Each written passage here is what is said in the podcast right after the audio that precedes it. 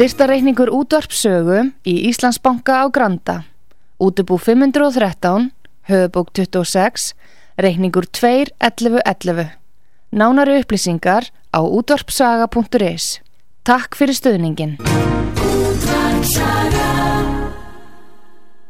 Heimsmálinn í umsjón Artrúðar Karlsdóttur. Fréttir og fréttatengt efni af Erlendum Vettvangi. Skriti hvernig allt nú er.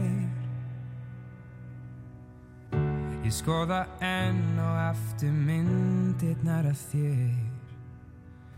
Í skotum hugans búa minningar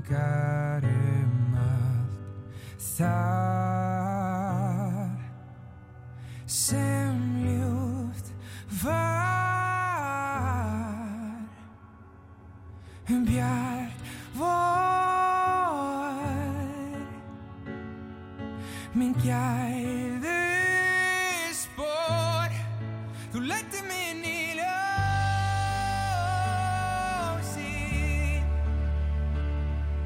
hvað lífið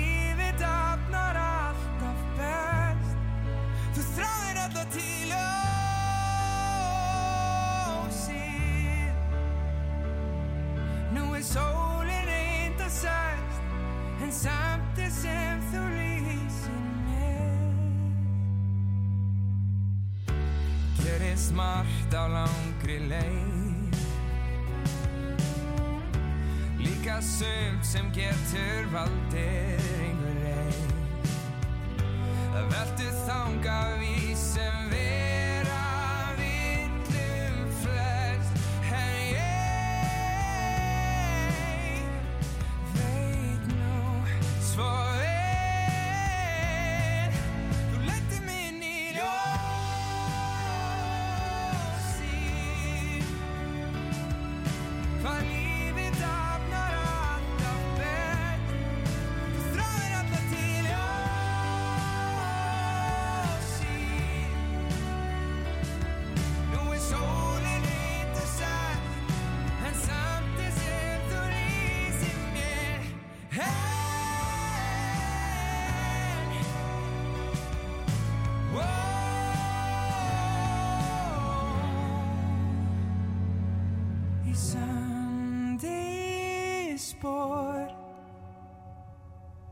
sem kemur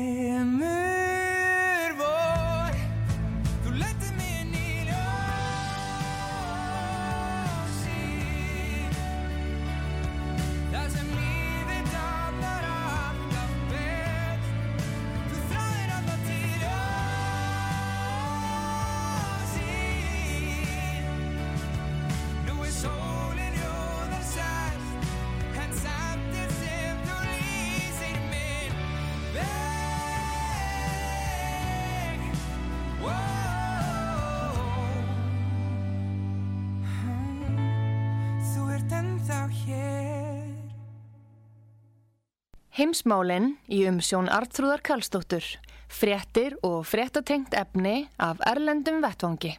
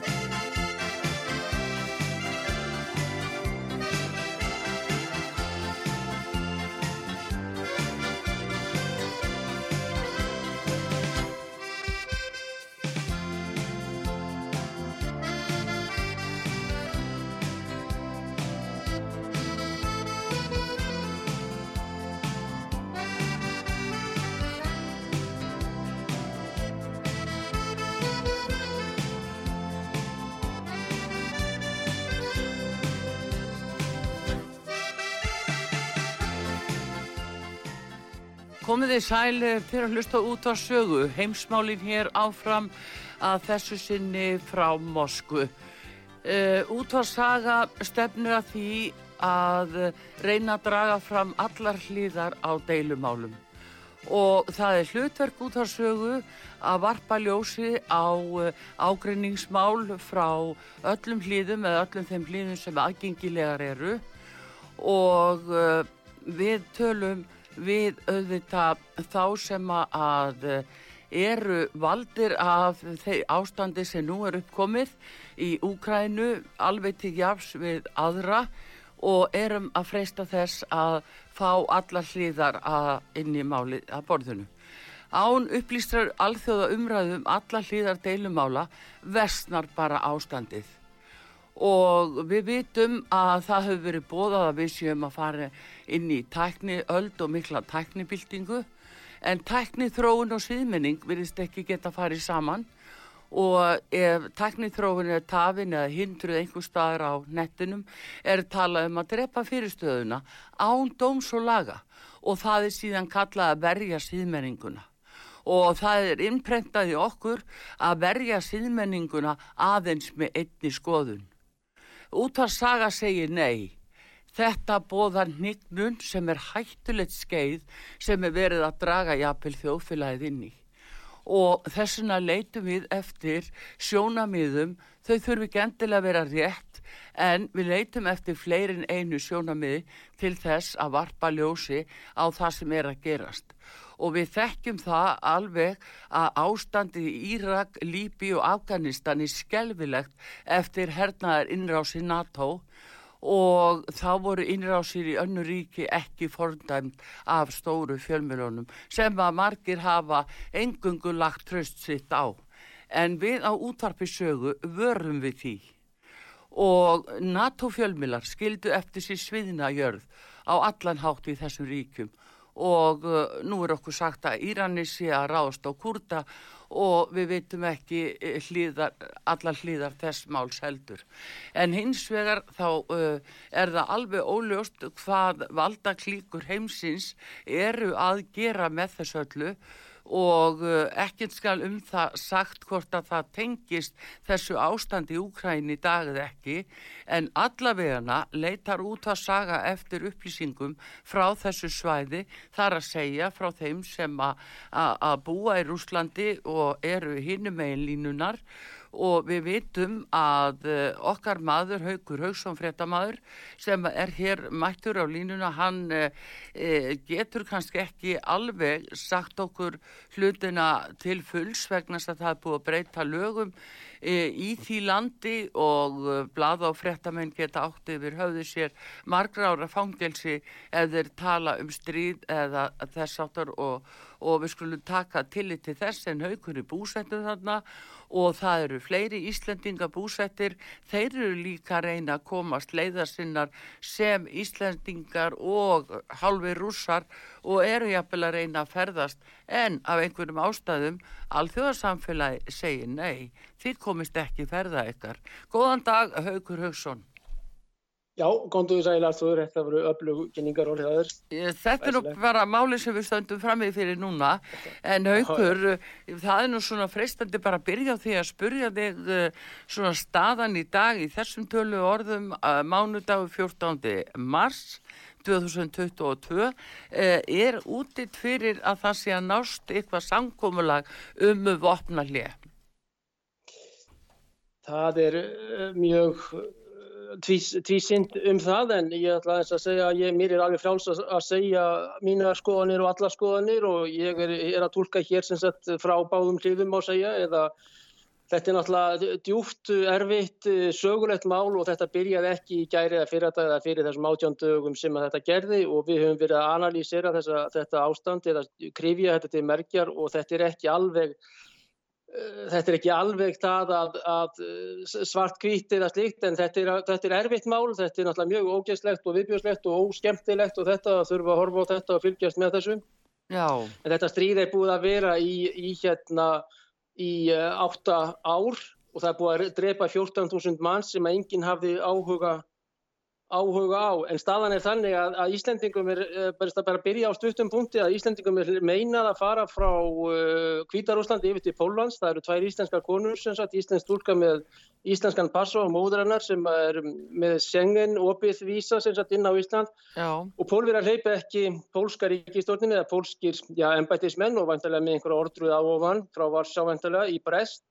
að þeir hleypa ekki íslenskum ríkisborgurum inn á Schengen, NATO svæði til þess að komast frá Kvítarúslandi til Póllands þar sem að það áttu flug uh, á lögadeginum uh, og eru núna í uh, Minsk, leiðin líku vendan til Istanbul eða Gríklands og þetta er mjög alvarlegt mál og, og ég vona að uh, pan ambassador Pólski á Íslandi heyri þetta. Já, og tala við sína menn á brestlandamærunum vegna þess að Íslendingum er ekki hleyft inn á NATO svæði af pólskum embætismönnum og gríðilega erfitt mál hvað var það mannúðardæmi og Schengen reglurnar. Nú fólk er hérna í neyð og Íslendingum er vísað frá á meðan að Ísland hefur tekið við 35.000 pólverum sem að lifa vel í sósíal og öðru á Íslandi. Þannig að þetta er svolítið alvarlegt vandamál sem að kannski fáir hafa áhuga á af þessum demokratapressu okkar Íslendinga en þetta er, þetta er að ta- taka á sig mjög vondar og leðilega myndir þetta stríð og er skjálfilegt, já. já. En uh, allavegna þessar íslenska konur eru þær þá strandaglópar hvar? Já, núna í Minsk í höfuborg Hvítarúsland, Já. eh, en að sjálfsögðu með íslenskan passa Já, og ópið Schengen vísa, þá gerði fólk ráð fyrir því að komast inn á þetta blessaða NATO-svæði. Nú NATO á að vera með einhver prógrum eða kerfi til þess að koma fólki frá og inn til eh, NATO eða Finnlands eða einhverja svæða ef til borgarastyrjaldar eða styrjaldar kemur í Rúslandi. Síðan þegar að, þegar að leita hérna þegar að e, til kemur í neyð að þá voru tvær konur, þetta er ekki kællmenn á, eða, herrmenn eða neitt slíkt, að reyna að komast heim til sín og pólverjar, þetta er ekki sem, það stendur ekki á kvítrúsunum, að pólverjarnir, sem sagt, þar sem að þeir vísaði með aftur handan gatavískerðingar og yfir hérna einskismannsland, nómannsland eða nýmannsland, eitthvað belti og hleypa þessu fólki ekki inn, þannig að þetta, þetta er skandall, eh, hvað varðar pólska samvinnu, hvað varðar sem Íslendingar hafi verið að gera við, fyrir þessu ágætu þjóð eh, í mörg, mörg ár og er náttúrulega ekki eftir einhverjum NATO, eða hvort að þetta eru NATO staðlar, er náttúrulega mjög uh, ólíklegt en, en uh, skrítið og afar óskemmtilegt vegna þess að, þegar að koma upp erfið eða neyðar ástanda, þá er, er sagt nei og bara Já. tilbaka. en haukur, það hefði nú verið aðtilísvert ef þær hefðu haft samband við eh, borgaraþjónustuna hjá utarrikiðsáðunitinu og aðtóa hvað borgaraþjónustan segir, þetta er eh, íslenski ríkisborgarar og, og eru stattir við þessar aðstæður, að að borgaraþjónustan á að sinna því og leysa það. Já, ég er ekki klára á því nákvæmlega en ég veit um annan tilfelli sem að var í eh, haust, já, það var út af COVID-málum að þá var skellt á fólk sem að ringdi frá Ítalju og Gríklandi og það var skellt á fólk af borgarþjónustu háttvirts utaníkisráðundis. Reyndar Já. var önnur stjórn þar þá yfir því að mannþóningin alveg, alveg með ráþæra en það var hátt, háttvirt borgarþjónusta, hún, hún lagði tólið á og sagði eitthvað, sagt, það var, var ókurtis og óskemmtileg eh, að heyra slíkt, já. Já, en hérna nú virðist samt að alþjóðarsamfélagið eitthvað vera að taka við sér, menn hafa svona aðalega bara brúðist við þessu ástandi með því að senda vopn og, og herrgögn í stórum stíl, það náttúrulega þekkjum við. En Já, já. þe- núna eru menn eitthvað að svona bregðast við þegar þeir sjá að þetta er orðið sko ó óbærilegt ástand sum, í sumum borgum þarna þá fyrst er nú eitthvað e- eitthvað svona að, að eh, glæðast yfir þessu en eh, í hvaða formi e- er hægt að ætlast til að menn grípi þarna inn í Það talað um kjarnorkuvopn, það er verið að saka rúsa um að no- nota fósfatbomb sprengjur og Mm. þessi skapi bara eldhaf byllinis. Uh, hvar er þetta statt? Já, já, það er náttúrulega margar fréttir og misjöfnar fréttir en best að segja það með hernaðar aðstöð frá Kína eða fjárhásaðstöð frá Kína, það er úr lauslofti gripið svo frétt sem kom í alvarlegu miðlum að rúsa sé að byggja kynveri um slíkt eða Kasaka, Kazakstan, það, það er ekki rétt sem sagt. Nú hvað var þar gríðarlegan flóttamanna f- fjölda, eh, mikla grimd í þessu stríði og loftarósir þar sem óbróttir borgarar verða fyrir. Best að segja strax það sem þú varst að segja áðan í þínum ágæta ingangi að ég eða aðrir hafa aldrei mælt því bót og ég er ekki undir neinum lögum hvað var það rúsnesk eða önnur eða rítskoðun eða neitt slíkt eh, sem að segja mér að segja eitthvað en við segjum báðar hliðamálar og hvernig þetta er Já, og þessi slagur hefði vafalust orðið fyrr eða síðar. já, En hvað var þar hér, hérna flóttamannaströyminn og þá eru mjög leiðilega fréttir frá Þýskalandi var, hvað var þar það að Þýska innanríkisránitið í nýri stjórn Ólafs Sjólds það byður Pólveri að hætta að senda lestir með ukrainskum flóttamannum yfir f- í, til nágrannaríkisins til Þýska uh, sambandslýfveldisins og á síðustu þrjá daga hafa farið frá Pólandi til Þýskalands 28.000 flóttamenn, ukrainskir, sem Já. hafa komist í gegnum Póland. En þjóðverðar núna er að stöðva þetta. Og það er búist við tveimur miljónum, á, tveimur til þreimur, tveimur og hálfri. Það er gríðalegu fjöldi komin nú þegar vestur yfir. Það er talsverðu fjöldi komin til Rúslands líka sem maður reyndir aldrei sagt frá. Já. Það hefur búið að vera rengi frá, frá alltöðilífildunum eftir að Putin viðgjörni þau 21. februar sem enginn hefur áhuga allt í ræð með það en uh, það eru 100.000 manna, 100, uh, 200-300.000 hingað yfir til Rúslands frá Austur-Úkrænum en uh, það að pólverjar að hérna fyrirgefiði Masovetski uh, Mattius fáið þessa, þessa ordru frá Ólafi Sjólds um að hætta að senda flótamenn yfir til Þýskalands, það eru gríðarlega já, vonbriði og erfitt dæmi og þá lendir þetta yfirleitt væntilega meira á svíjum og kannski Íslendingum og öðrum þjóðum sem að vilja sjálfsögðu hjálpa fólki í mjög ömurlegum, erfiðum og ógæslegum uh, aðstæðum. En, en þetta er mjög uh, óskemmtileg frétt hvað varðar þessa samstöðu Evrópuríkja og annað, já. Já, af því að það er nú aldrei búið að vera flóttamannaströymur yfir til Þýskalands, ég meina Merkel opnaði á miljón manns, ef ekki meira, me- þeir mistu töluna þannig á sínum tíma, þannig að, að það hefur nú svona verið ákveðin bækistöð, en einhver er breytingin og samaber breytandi núna og Boris Jónsson segir bara, heyrðu, okkur kemur þetta ekki við, við erum ekki í Evrópusambandinu lengur og núna ef við erum að taka múti flóttamönnum viljum við fá greitt fyrir þá? Og þeir þurfa að sækja um vísa og er í gríðalegum erfileikum á landamærum við að komast yfir til Bretlands. Já, já, og Kamala Harris, að, uh, hún hlóa þessari spurningu þegar hún fekk þá hana í Varsjá fyrir tveimur dögum þegar hún var að funda með, með Andrzej Duda, fórseta Pólans. Þannig að Já. hún reyndi að slá þessu upp í grín sem er náttúrulega mjög ódiplomatísk og óskemmtilegt, sérstaklega fyrir blessað þetta fólk frá Úkrænu sem er að reyna að flýja sprengjur rúsneska hersins, þannig að Já. það var svona óskemmtilegt, en samstæðan í þessu máli og nákvæmlega sem að þú segir að Merkel, Angela, sagði velkomin nakk á Europa. Við uh, tvær og halva jú og fleiri eh, vantilega og þeir streyma ennþá, menn hafa glemti að þeir streyma ennþá á bátum yfir miðjararhaf og í gegnum. Tyrkland til, Póland, til Þýskalands. Að, eh, sem að þetta sýnir þetta er gríðilega álag sem að er á Þýskan Uh, já, sósjálkerfið og efnahag og annað og ekki síst að þeir eru að koma núna, þeir eru að sigla núna inn í mikla orkukreppu vegna strísins, viðskiptastrísins og annars við rúsa, þannig að þetta verður gríðilega erfitt ástand í uh, Þískalandi sjálfu. En þess, þessi melding og ordra frá Ólafi er náttúrulega afar óskemmtileg og uh, lýsandi kannski og uh, fyrir stærsta ríki í Evrópu sem að hinga til, svo náttúrulega eru pólverðarnir í Evrópu met- metafar í því að fá styrki frá, frá þjóðvíranum sem metafar í því að styrkja nágrannin í Pólandi. En, en þetta eru mjög erfið tí- tíðindi og þetta náttúrulega ykkur bara eh, álagið þá á Hollandinga, Dani, Íslendinga, Spánverja, Portugala, einhverja sem eru þá til í það að taka á móti fólki. Já, en, en já. þetta er afar ómannúlegt og rétt eftir þessi pólsku landamæraverðis, gagvart okkur íslensku konum. Já, Þannig að þetta, þetta, er, þetta lýsir kannski að erfiðleikum Evrópu líka og þeir álfunar sem, að, sem að verður ekki söm að mínu mati og, og Rúsland ekki heldur og samskipti ríkjana og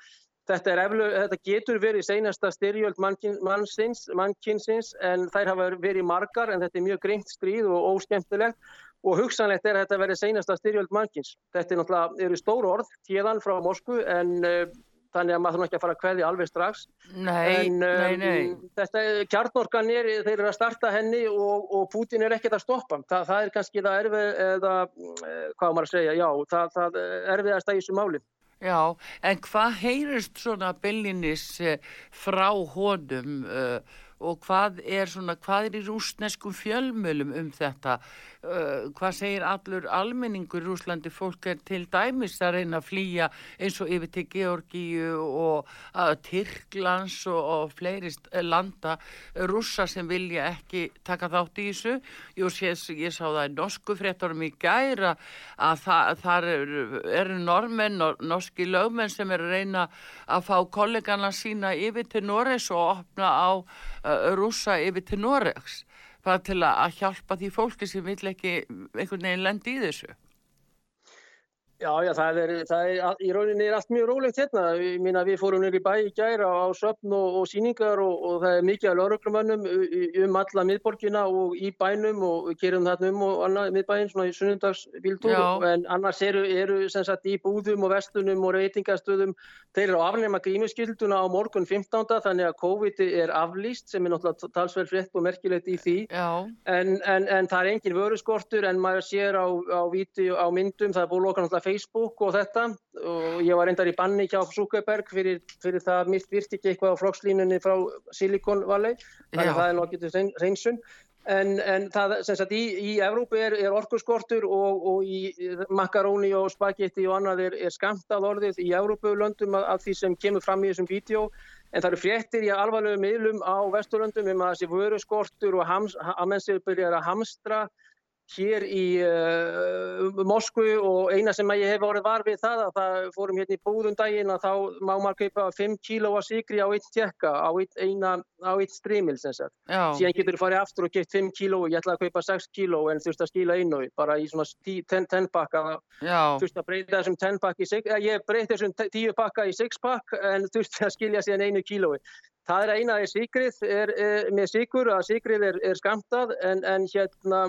ekkert annað hvorki eh, ólíja, elsneiti, rafluður, björgunarvörur, hittabrúsar, neitt eh, slíkt. Rúsa ræða þetta vissulega mjög mikið og samkvæmt skoðanakönnum er 70% rúsa fylgjandi þessum ákvörðunum Pútins já, og þeir telja þetta hef, þessi slagur hefði orðið hvort sem er en ég, við skulum, er spurning, en, en var það stemninga og annað? Að þá er e, mótmæli, þau kannski aukast og stemningin gegn styrjöldinu eikst, e, eikst með tímanum og eh, en hvað var það skort og slagsmál og eitthvað slíkt og, og annað að, að, það er frekar að þjóðurninsstefna eða þjóðurninshyggja eða patriotismi áróðslega sér að þá tengir pressan hér þetta við styrjöldina, heimstyrjöldina síðari þar sem að Sovjetmenn mistu 27 miljónir og við bara áttu gegn fasisma eins og þeir segja. Þannig að það, það virkar greinlega og en, en annars er, er líklega minni skortur hér í Rúslandi að þannig í Moskvu og, heldur en sem sagt að menn eru að hamstra til með bensin í bandarækjunum og það er komið gallónið er komið í 10 dollara í Kaliforníu, 7 dollara í miðríkjunum og átta- 5,5 í var ekki átta í Kaliforníu? Já, já, já, já, Þannig, að- þannig, að, já, þannig að það hækkar þar en, og á Vesturlöndum er meiri svona kannski hamstur og, og læti allavega en hens, ég er bara að segja beint út og enn einu sinni, ég er ekki að segja fyrir neitt, það lætur enginn mig segja hvað ég á að segja, það er enginn sem lokar á mig ekki en þá allavega. nei, Og, en haugur, og, og þetta, þannig að hérna, stemningin hér er sem sagt auðvitað menn sorgmættir og annað yfir þessu líka og, og, og annað, já, það er rétt. Já, en haugur, ég bara veit, sko, það er verið að taka upp öll símtölu gegnum út á sögu og þess vegna verða nú kannski svolítið símatröflani hér í símatímum, Hei, fólk heyrir ekki nógu vel ykkur, það er vegnast að það er komin sko hliðalína sem er þýtt og hún er send uh, út um alla koppagrundir. Þannig að ég er svona láta því vita af því að uh, ég fer ekki kannski inn á ákveðin atriðbelis við þig af tillit sem uh, við þig því að við viljum hafa þig hér áfram á línni. Við veitum ekki Spyr bara alveg... hvað sem er alltaf minn og hérna þeir eru miklu lengur að þýða ef þeir er að þýða synkró hérna á live eða hvað segir maður, beint sko en hérna bara þú getur spurt mig eða þú lefðu, hlustundum að, að ringja og spyrja mig og ég, ég svara bara öllum spurningum og veru mjög opinn og þetta en og, og, og þetta, en vissulega eru eins og ég segi, þetta, eins og ég segi hérna, þetta stríð byrjaði ekki þarna núna fyrir átján dögum, það byrjaði að minnstu kosti fyrir 8 árum, ef ekki 30, þú veist 8 eða, eða 30, Já, já. já og, og, og, og hérna, mm, og 14.000 manns, ég bara að segja einu sinni sem að fjallu sem að enginn hafði áhuga á, ekki nokkur rittstjóri, ekki nokkur skáld, ekki, ekki neitt sem að flaggaði, ekki neitt sem að spurði. Og börn eru þarna í miklu meiri hluta og 80% eru þessir námamenn og bændur í, í landtíðuliðveldunum svo kallu sem að Rúsland eitt hefur viðkend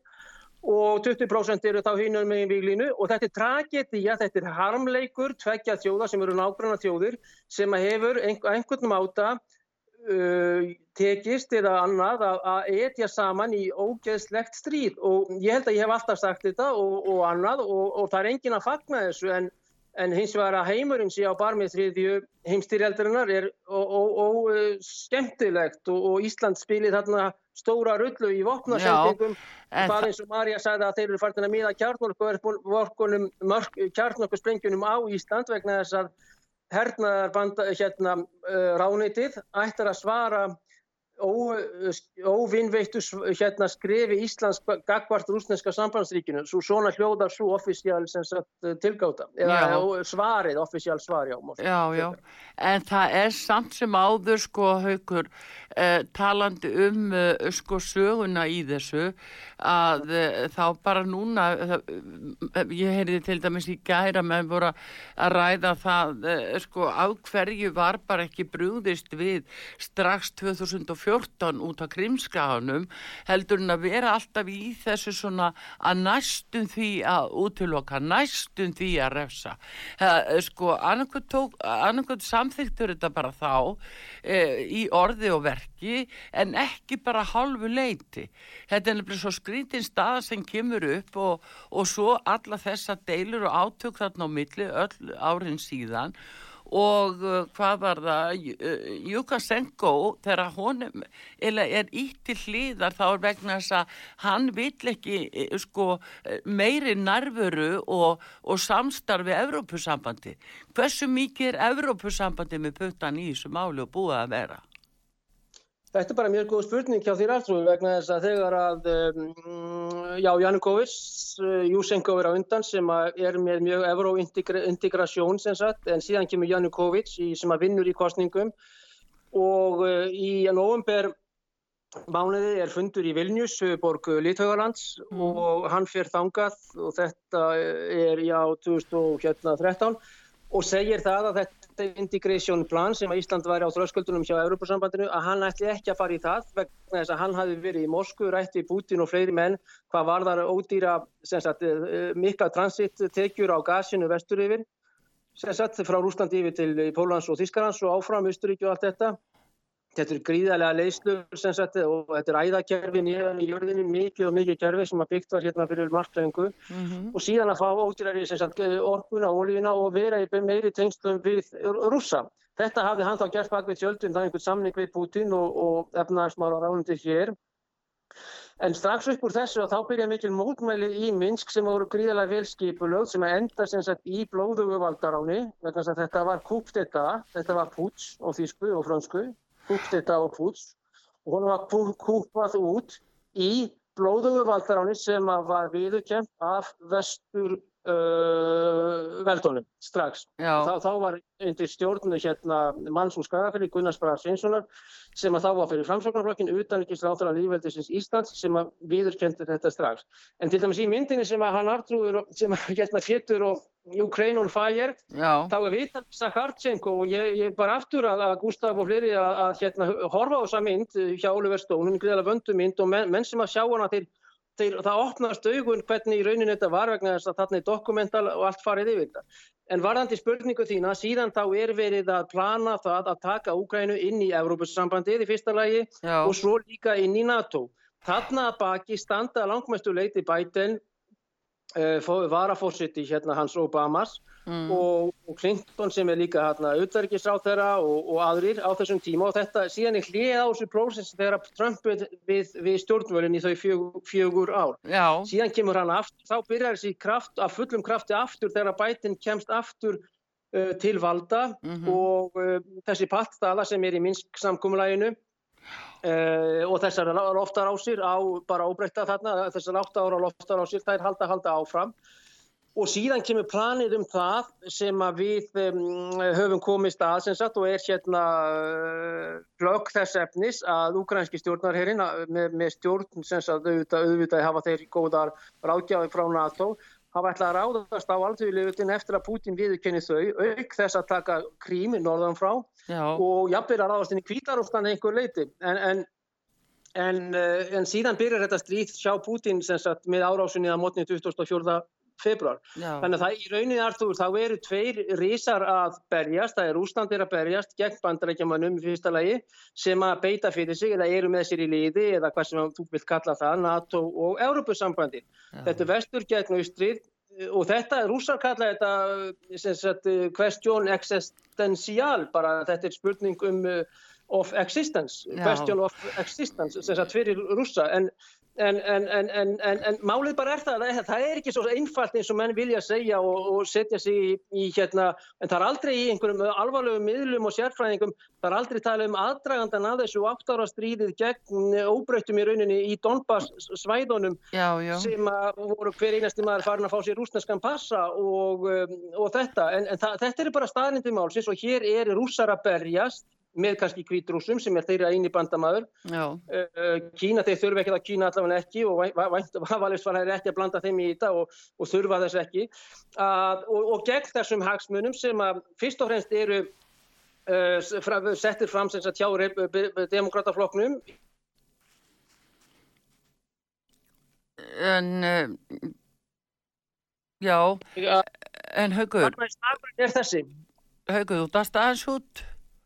Já, já, þannig að slagurinn aðtrúður hann er þessi, það er Rúsland sem er að berjast gegn vestuveldunum sem eru fyrst og fremst svona global löflin má segja í demokrataflokknum í bandarækjunum vegna þess að Trump hafi miklu minni áhuga þessum erlendum málum og sérstaklega Úgrænu, hann vildi leggja áherslu á innanlandsmál og yðnað og annað innan bandarækjuna. Já, en, en, en Haugur, slagurinn er þessi aðtrúður og þannig er þetta global löflin líka og, og Putin er eitt hattaðasti maður og ef einhver er að er engja það að þá eh, geta menn bara lesið svap og annað sem að Gustaf og fleiri góður voru að benda á og Já, annað. sko, Þannig að þessi er svona einfeldning, sko- Þetta er fyrir einfeldninga og, og myndin er sett upp svona einföld, uh, það er þægilegra að gera það náttúrulega, þetta eru mikla stemningslýsingar og annað, en, en ég, það vantar bara góða analítikara, ég meina síðan að Magnús Tóra Ólafsson var sem að, uh, ég held að hann hafi skrifaði tíman, uh, pappi kefti tíman, og það vantar analítikara sem að analýsa málinn Uh, bara í 40 ár hefur engin slíkur verið. En við erum að reyna að analýsera þetta og segja skilur uh, krifja þetta. En hitt er svo yfirborslegt og, og bara þú veist þessi alvarlegustu miðlar Já, en það er nú, ég er nú einmitt að benda á það haugur að, að það vantar upplýsta alþjóðlega umræðu um allar hliðar þessa máls sem er mjög, mjög alvarlegt og slæmt í þessu vegna þess að þá fara að koma allskist tilgátur og, og svona sem er ekkit endilega réttar. En maður sér hins vegar núna hjá Selenski og það er hægt að fulla samúð með honum að hann er að upplifa það að bæði Biden sé að svíkja sig og síðan NATO í heilsinni. Hann hrópar og kallar á það núna og, og þá er orðið, þá draga þessi freka tilbaka, sérstaklega Biden. Og þetta er nefnilega það sem að Trump, eh, hvað sem það má nú ekki viðkenna það víst, skils mér ekki hér á Íslandi allavega, að það var Trump sem bendi á þetta. Trump er eini fórsetin sem kom engu stríð á stað. Hann fór bara að tala við menn og sjallaði málinn strax. En hann kom auga á hættuna sem var þarna og, og hund skammaði NATO fyrir uh, slóðaskap og, og, og tómlæti og ábyrðarleysi sem þeir eru að fá í nakka núna. Og, það, það er stöðut að koma fram það sem að Trump var búin að vara á við. En uh, hins vegar draga þeir sa sér saman inn í skél og eh, vilja ekki eh, koma með frekari hætti að þessu, skilja Selenski mjög einan eftir og hann er bóstalega hrópandi, sko, þetta eru dauða hróp frá manninum að hann ákallar um heiminn og byður um hjálp. Hann er hins vegar búin að sjá það að þeir eru ekki að koma til að hjálpa honum og þá segir hann hvað, eins og gerðist núna lögadaginn, þá segir hann, ég vil tala við Putin.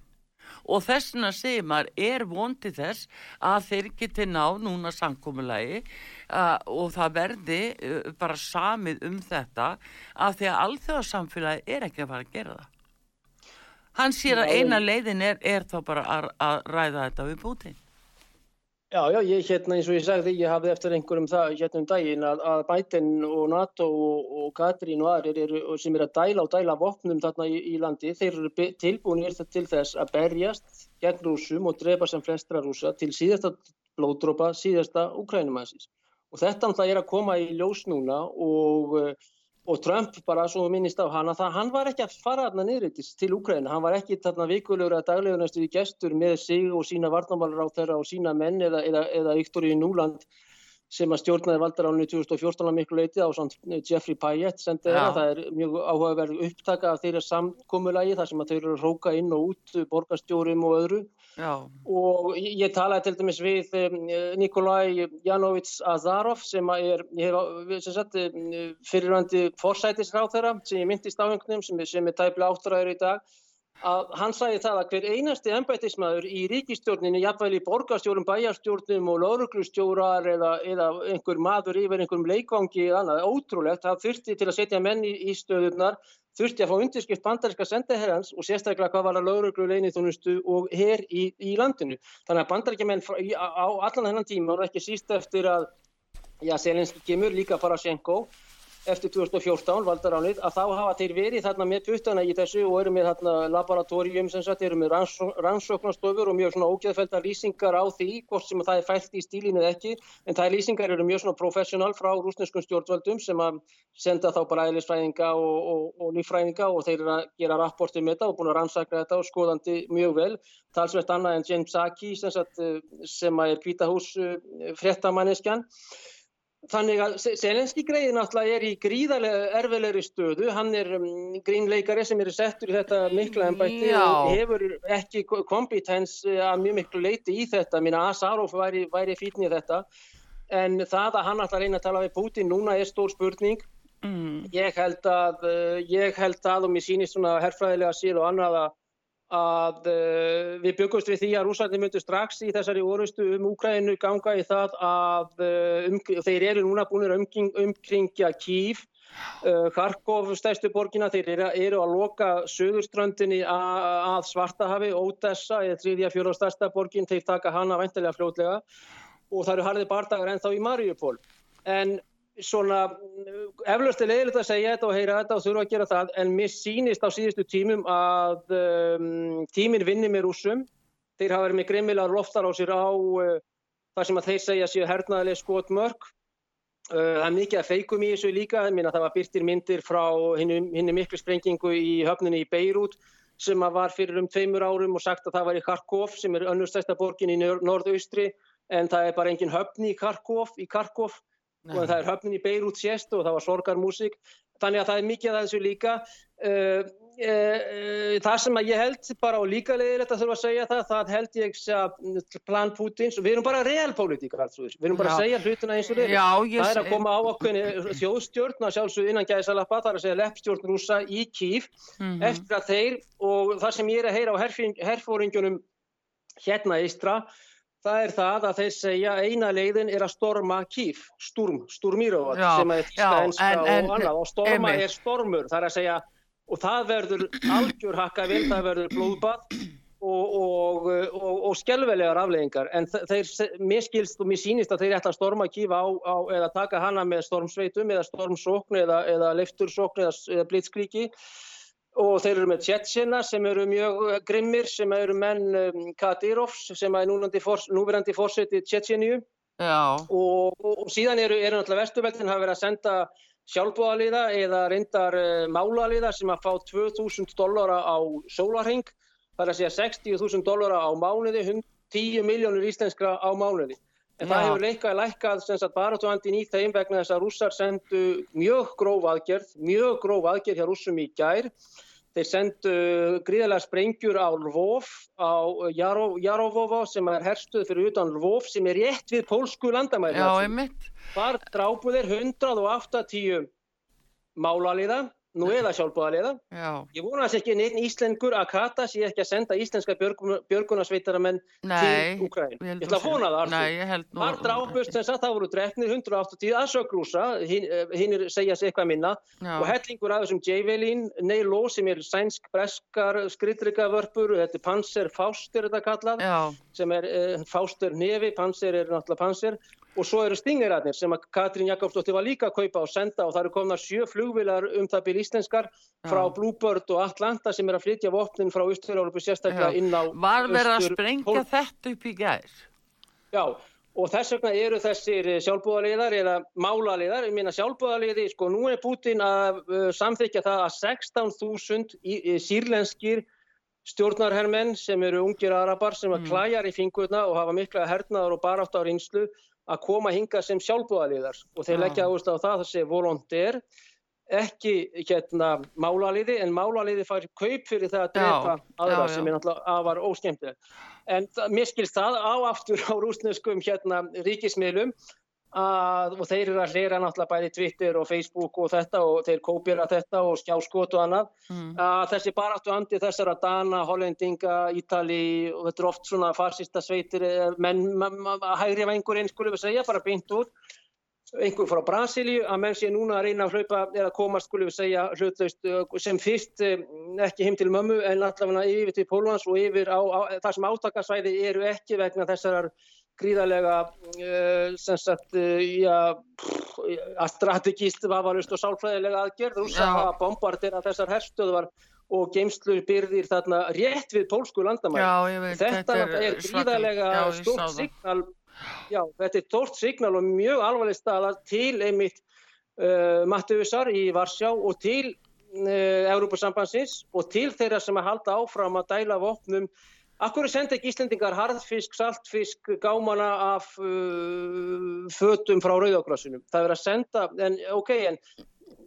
já, Já, ok, jú, jú, það er nú kannski eitthvað Já, verið. já. En haukur, við þurfum að fá auðlýsingar hér á útvarpi sögu og að gerum stuttlega og, og höldum svo heimsmálunum áfram. Mér langar einmitt til að, að aðeins að ræða við þig hérna á eftir í sambandi við eh, áhrifin á fyrir okkur Íslendinga. Uh, ég veit ekki hvort að nú farið að ræða það en þú kannski getur kannaða að það er til dæmis nú eru rússarnir að ráða veiðum á Barentsafi það sem við Íslendingar höfum nú heldur betur sótt á miðin uh, hversu alvarlega áhrif þetta gæti haft á íslenskan sjáarútveg sem að er að veiða þarna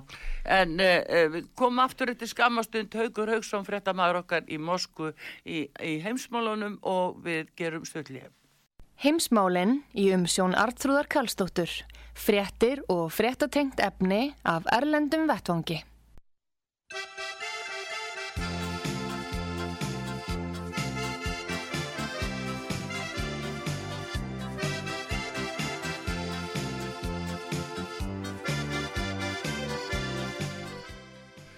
Komið þið sæl aftur heimsmálin hér á útvarpi sögu. Haugur Haugsson, frettamæður okkar í Mosku á línunni. Sæl aftur Haugur. Já, sælega trúður. Herðu, uh, áhrifin hugsalega á Ísland, bein áhrif uh, af þessu ástandi. Ísland komið á lista yfir uh, óvinnaþjóðir og uh, áhrifin á sjáarútvegin og, og norðurslóðaleiðina og það allt saman ævintýri. Já, já, þetta er góð spurning vegna þess að það voru einhvern tímann plönum það að Ísland á Reyvarhöfni að Þórshöfni að norðaustur Íslandi yrði mikil umskipunarhöfn Já. hvað var það norður, norðurleiðina sem Já, náttúrulega útflutningsleiðin frá Kína yfir á Norður-Ameríku og Evrópu í komandi framtíð, svona Rotterdam Rotterdam 2 er það talað um sem er náttúrulega gríðileg höfn og uppskipun og umskipun og um, skiptihöfn og allt þetta á gámum og þetta. Já, En það er ólíklegt af því verði núna og uh, rússar settu, Ísland á uh, lista yfir óvinna þjóðir sem að þeir munu gera allt til þess að setja, setja sagt, steinigötu þeirra samskipta og mér skilst líka að þeir ætli að stoppa, þessum, stoppa þessar samninga hvað var það okkar veiðiheimildir og annað í bar, Barentsafi. já, Þannig að Íslendinga munu lenda í þessu og eru á þessum lista fyrst og fremst út af vopna útflutningi íslenska stjórnvalda í uh, allavega sex flugveilum, Boeing 747 og 737 sem að íslensk flugfélög er að senda á kostnað íslenska ríkisborgara inn á þessar stöðvar sem voru sprengdar sem setta miklu leiti í nótt uh, af rússunum eða á Já. sunnudeginu. Þannig að uh, síðan er eitt sem að rússar eru að íhuga líka alvarlega það er að stoppa gas, ólíu og kóla útflutning til allrar Vestur-Európu og Norður-Ameríku og þá verður fljótt að rú, þau, Ísland er náttúrulega rúsnest bensín og oljuvörur mestuleiti hérðan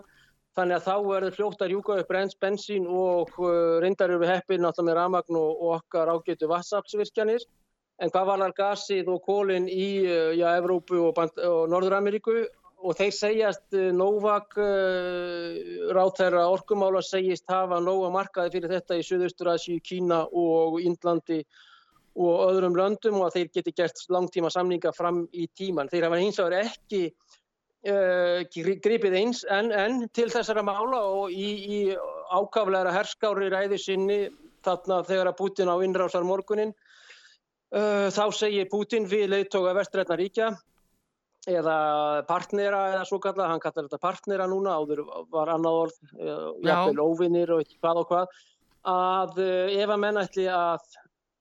uh, já, setja stein eða, reyna að stoppa rúsa í þessum herrleiðangri sínum, þá munu þeir fá svar sem að þeir hafa aldrei geta ímyndir sér hvað varðar hörkuna og annað í uh, hinga til í samskiptum ríkja. Hins vegar er Novak var ekki á sömu náttúrulega í sömu stemningslýsingu og Putin þarna um morgunin þessi fræga ræða hans sem uh, var með ólíkindum að hans, hann er, það er ekki að sjá allavega að þeir eru rándismenn en hins vegar getur Putin vel skrifað bara undir einhvern samn eða lög, ný lög í dag. En núna eru menn í stríði um til dæmis leiguflugvilar, það er verið að stoppa allar flugvilar það er svo kvöldu lýsing, það er að segja á ensku er, er, er, eru flugvilar í leigu inn á Rúsland og þetta eru langmestur reyti, þetta Boeingar og, og Airbusar. Já, og þeir eru að stoppa þær, sem sagt, eh, það er verið að stoppa og annúlera eða að gera ágild sertifikat, þar að segja uh, sertifikat á þessum vélum. Og þá geta rússar náttúrulega ekki flóið þeim aftur vestur yfir til flugvallana í Frankfurt eða Heathrow eða, eða Rome eða hvað sem er vegna þess að það er flugbann yfir landinu. Þannig núna er staðan svo að rússar munu eftir vill þjóðnýta þessar vélar já, sem er náttúrulega mikið og, og, og, og þessi flugbönn eru náttúrulega í, í, í gangi uh, og þetta, þetta er bara sagt mikið og óæskilegt stríð og Já. ekki hlægjandi að því sem er á milli landana nei, sko, og kjarnorkuvopnin eru núna í starthólunum þannig Já. að þetta er gríðalega alvarlegt mál. já, sko það er náttúrulega margir þætti sem að, að koma inn í þetta sem að eru náttúrulega bara staðrendir og, og, og, og, og það er- það er bara spurningum að tengja það rétt saman en eh, eins og til dæmis það að e, það er náttúrulega fyrir á milli mála að til dæmis bandaríkjamenn og, og fræg sagan af Hunter Biden og Biden allt frá 2013 og, og síni Nancy Pelosi að þeir voru sko orðnir breyðir þarna í Úkrænu hversu mikið eru já Vesturlönd og þó bandaríkin líka þar með talin uh, að notfæra sér kannski veika stöðu fátækt stórt landsvæði og, og e, já, í Úkrænu. Hversu mikið hafa þær verið að nýta sér þetta? Því að núna í dag sjáum við að, að sko, staðrendin er svo út af COVID að Putin vildi ekki eiga viðskipt og fara inn í Pfizer og alla þá, uh, alla þá framleiðslu sem að, að þau bólefni eru með og eru á vegum Europasambassins núna í dag. Uh, Putin vildi og framleiti Sputnik. Putin vildi ekki fara inn í The Great Reset, hann hætti að fara nýr í Davos, það búið að klippa á alla þessa naflastrengi, hann er orðin fyrirstaða og Já, já. hversu mikið er verið að sko að búa til þessa deilu á milli Úkrænu og Rústlands af því sem að, menn er að reyna að ná markmiði sínu með heims eh, yfiráðum og einni heimstjórn. Þá er Rústland fyrir, styrklegi Rúslandsi fyrir, Úkræna flýtu með og þetta helst að eðleggja spáðir. Já, já, náttúrulega Úkraina hefur verið rannsóknarstofa og svona með mísnar hlaupandi núna í síðustu, sérstaklega síðustu átta ár eftir að byltingin eða, eða valdaránið eh, sem náttúrulega líka byltingileiðinni og fallegra orð og allt þetta er, er, hald, er, er gerð uh, sem sagt, og Barashenko er settur í ennbættið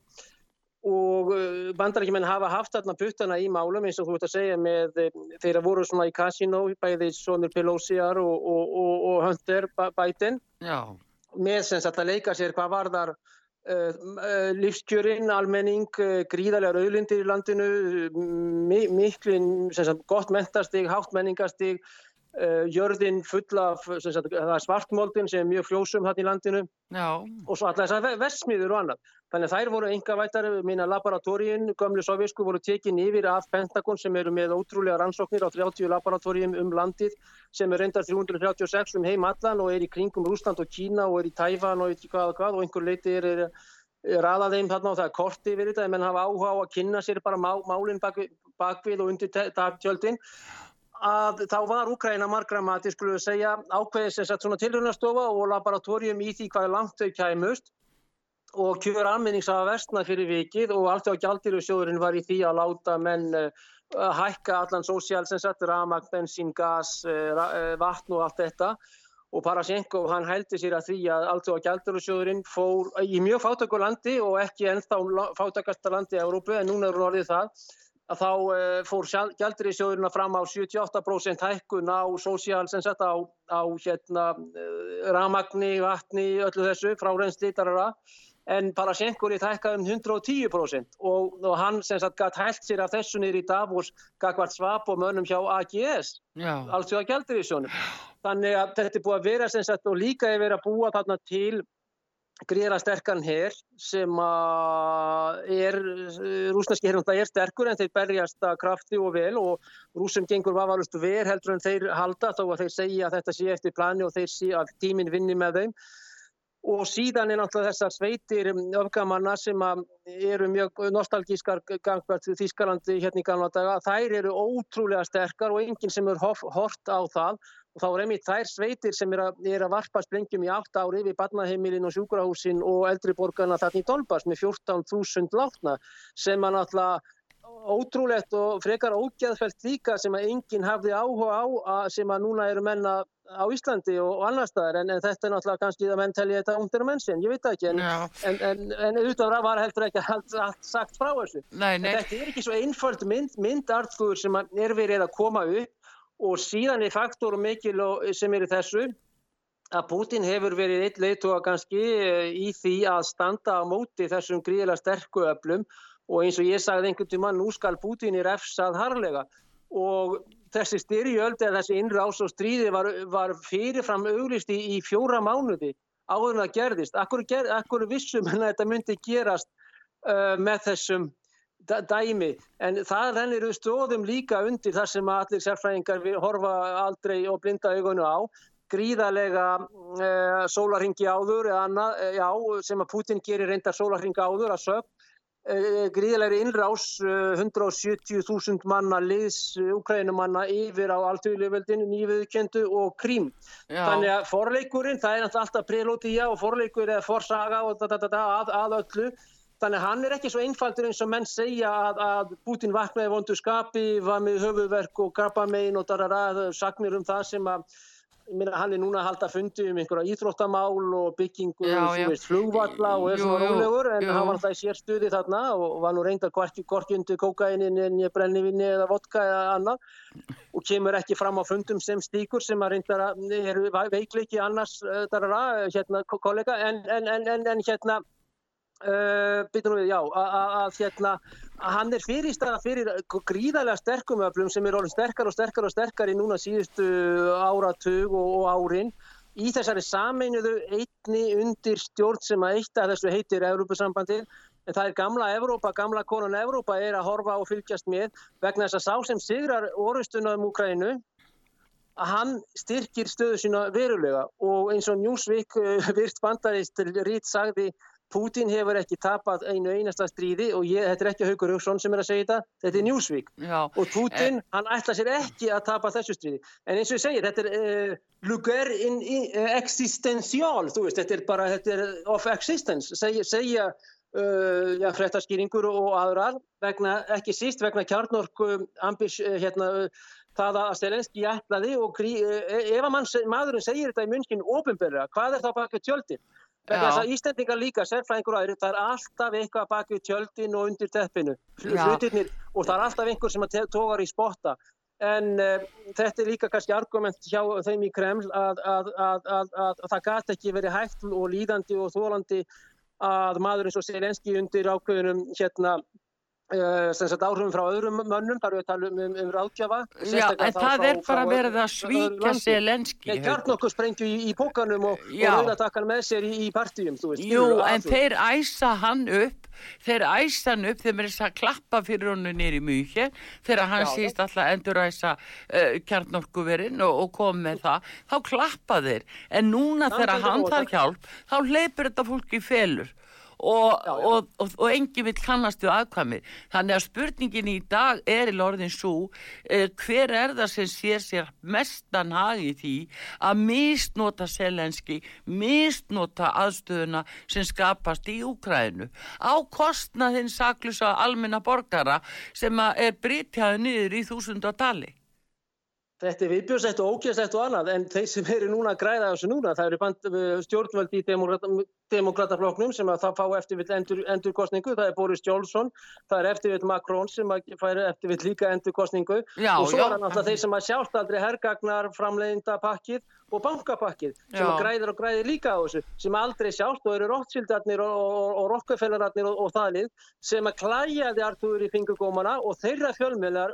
Reuterinn og, dansuðu með spáðu þessu og auglýsu stríðið sem er fyrsta skipti í hernaðasögunni með, með, með fjóra mánu fyrirvara sem En- er en ólíkindum en ok, það ekki að gerðist og þetta er ríkalegur hánramleikur og þetta er, þetta er tragedía þetta Já, er en tragedía. taktu eftir því, akkurat þessi sömu upp sem þú telur upp núna,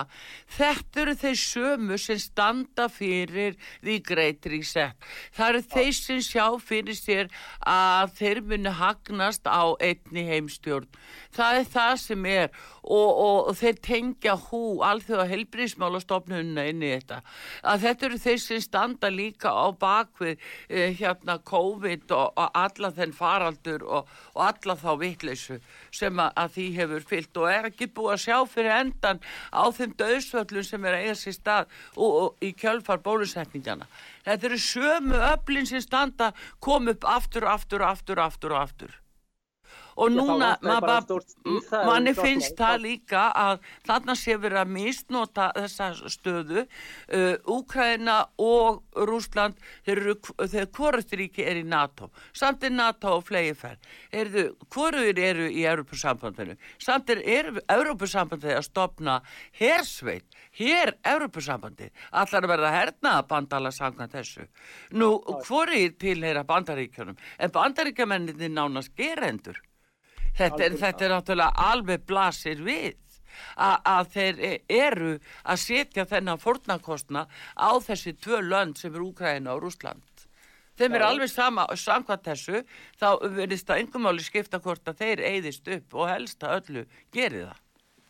Akkur hlór blinkin og þeir fyrir vestan haf aft uh, og í rauninni þeir sendu bara stóra puttan á Putin fyrir ekki að segja þetta þegar hann var að tala og Lavrov sem diplomatíuna um það að Rúsland fengi garanti, sem sagt, öryggi fyrir ríkis, á öryggi síns ríkis þegar að NATO er komin algjörlega ekki upp í kálgarðin heldur upp, í, upp að hérna bara rúminu hjá, hjá Putin hvað varðar menn geta bara kynnt sér útþenslu NATO, expansjón NATO á síðustu árum í fimm bylgjum. En akkur var því ekki svarað? Ég meina þessi geðvikislega viðbörð Pútins og þessi innrás sem að ég bara já, fórdæmi og leiðileg og ótrúleg og, og þetta ótrúlega fast högg hjá honum það er, eftir, er það eftir vegna þess að menn skrifuðu bréf Lavrov skrifaði bréf til íslenska auðvitaðrikistáðurins sem ekki var svarað Uh, er það vegna óverðingar, er það vegna þess að menn settust ekki niður, töluðu saman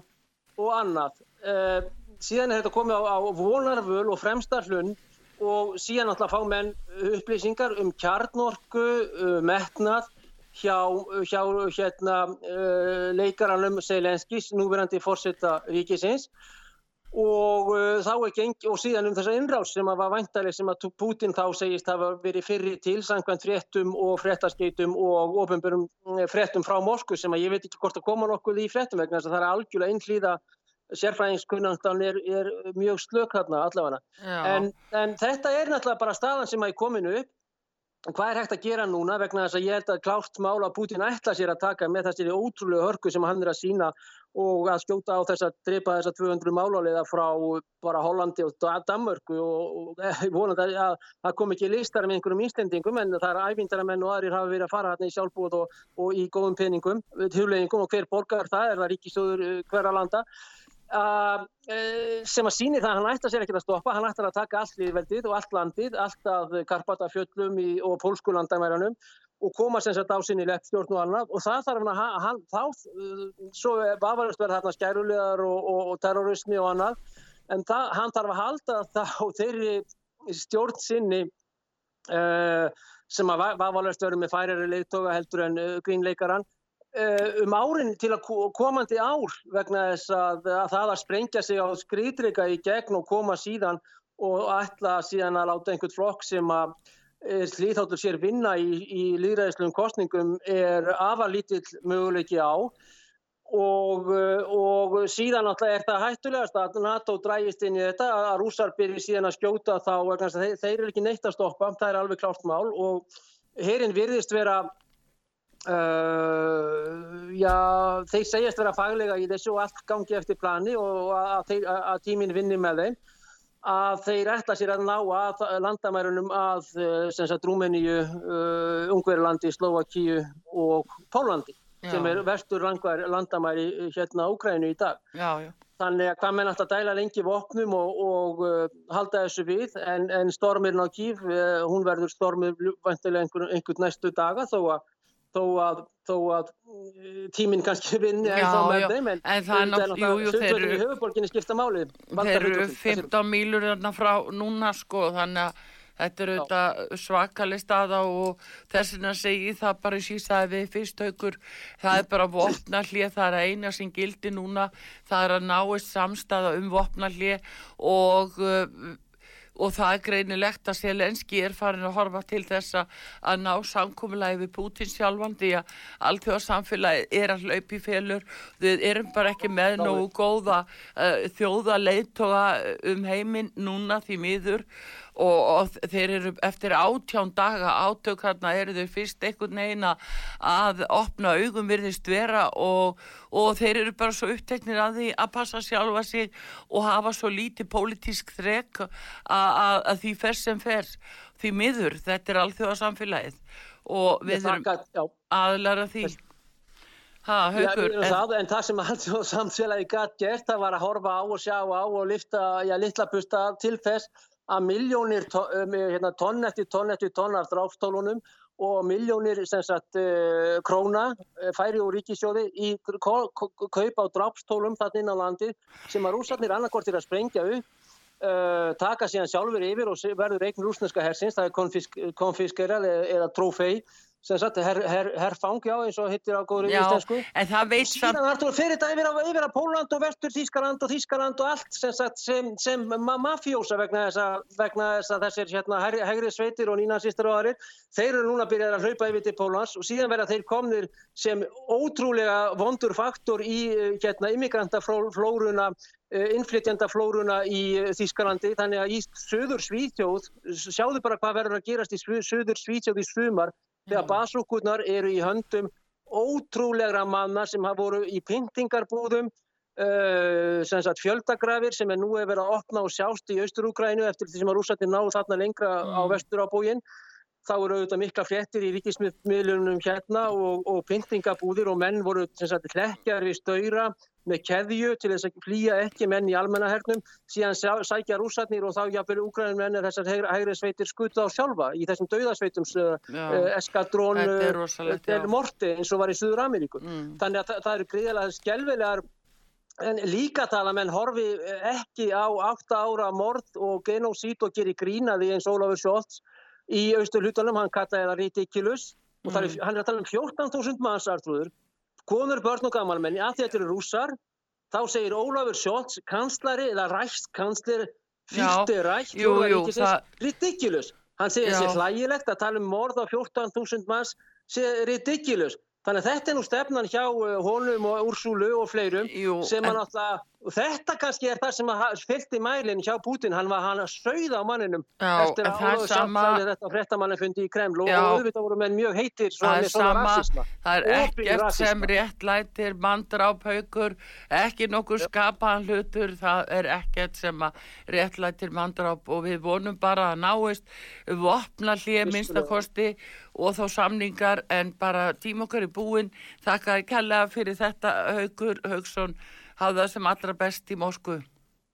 Já, já, ég er nú leiðis þarna niður til uh, væntalega, þannig en bestu hverju við bara hittustöðin. Já, takk Takk- fyrir. takk fyrir, Já, við ljúkum á þessu í þeirri von að náist vopnalíð, nái að stoppa þessi óskup öllsumul og, uh, og uh, það, við þurfum ekki að fá fleiri fréttir af blóðbæði frá þessu svæði ömulegar fréttir en við vonum að allra besta að sjálfsögðu höldum áfram að fylgjast með í heimsmálunum hér á útarpi sögu. Artrúð Kallstóttir kveður ykkur þakkar fyrir og tæknum að Daví Jónsson verið sæl.